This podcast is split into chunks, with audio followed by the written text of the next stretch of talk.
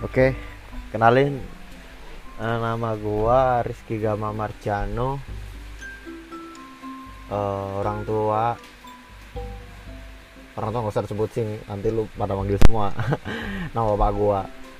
Jadi gua lahir di Malang. Gua lahir di Malang tepatnya itu di daerah Mendit. Jadi pasti anak-anak Malang udah tau lah daerah Mendit itu daerah apa. Pemandian lah tapi bukan hidup di pemandian ya maksudnya lahirnya di daerah situ terus pindah lah ke mana gitu. Lupa aku udah berapa tahun tuh. Jadi ini pertama kali gua buat podcast. Mungkin ini podcast tentang musik dan apa yang pengen gua omongin itu akan terjadi di sini. Oke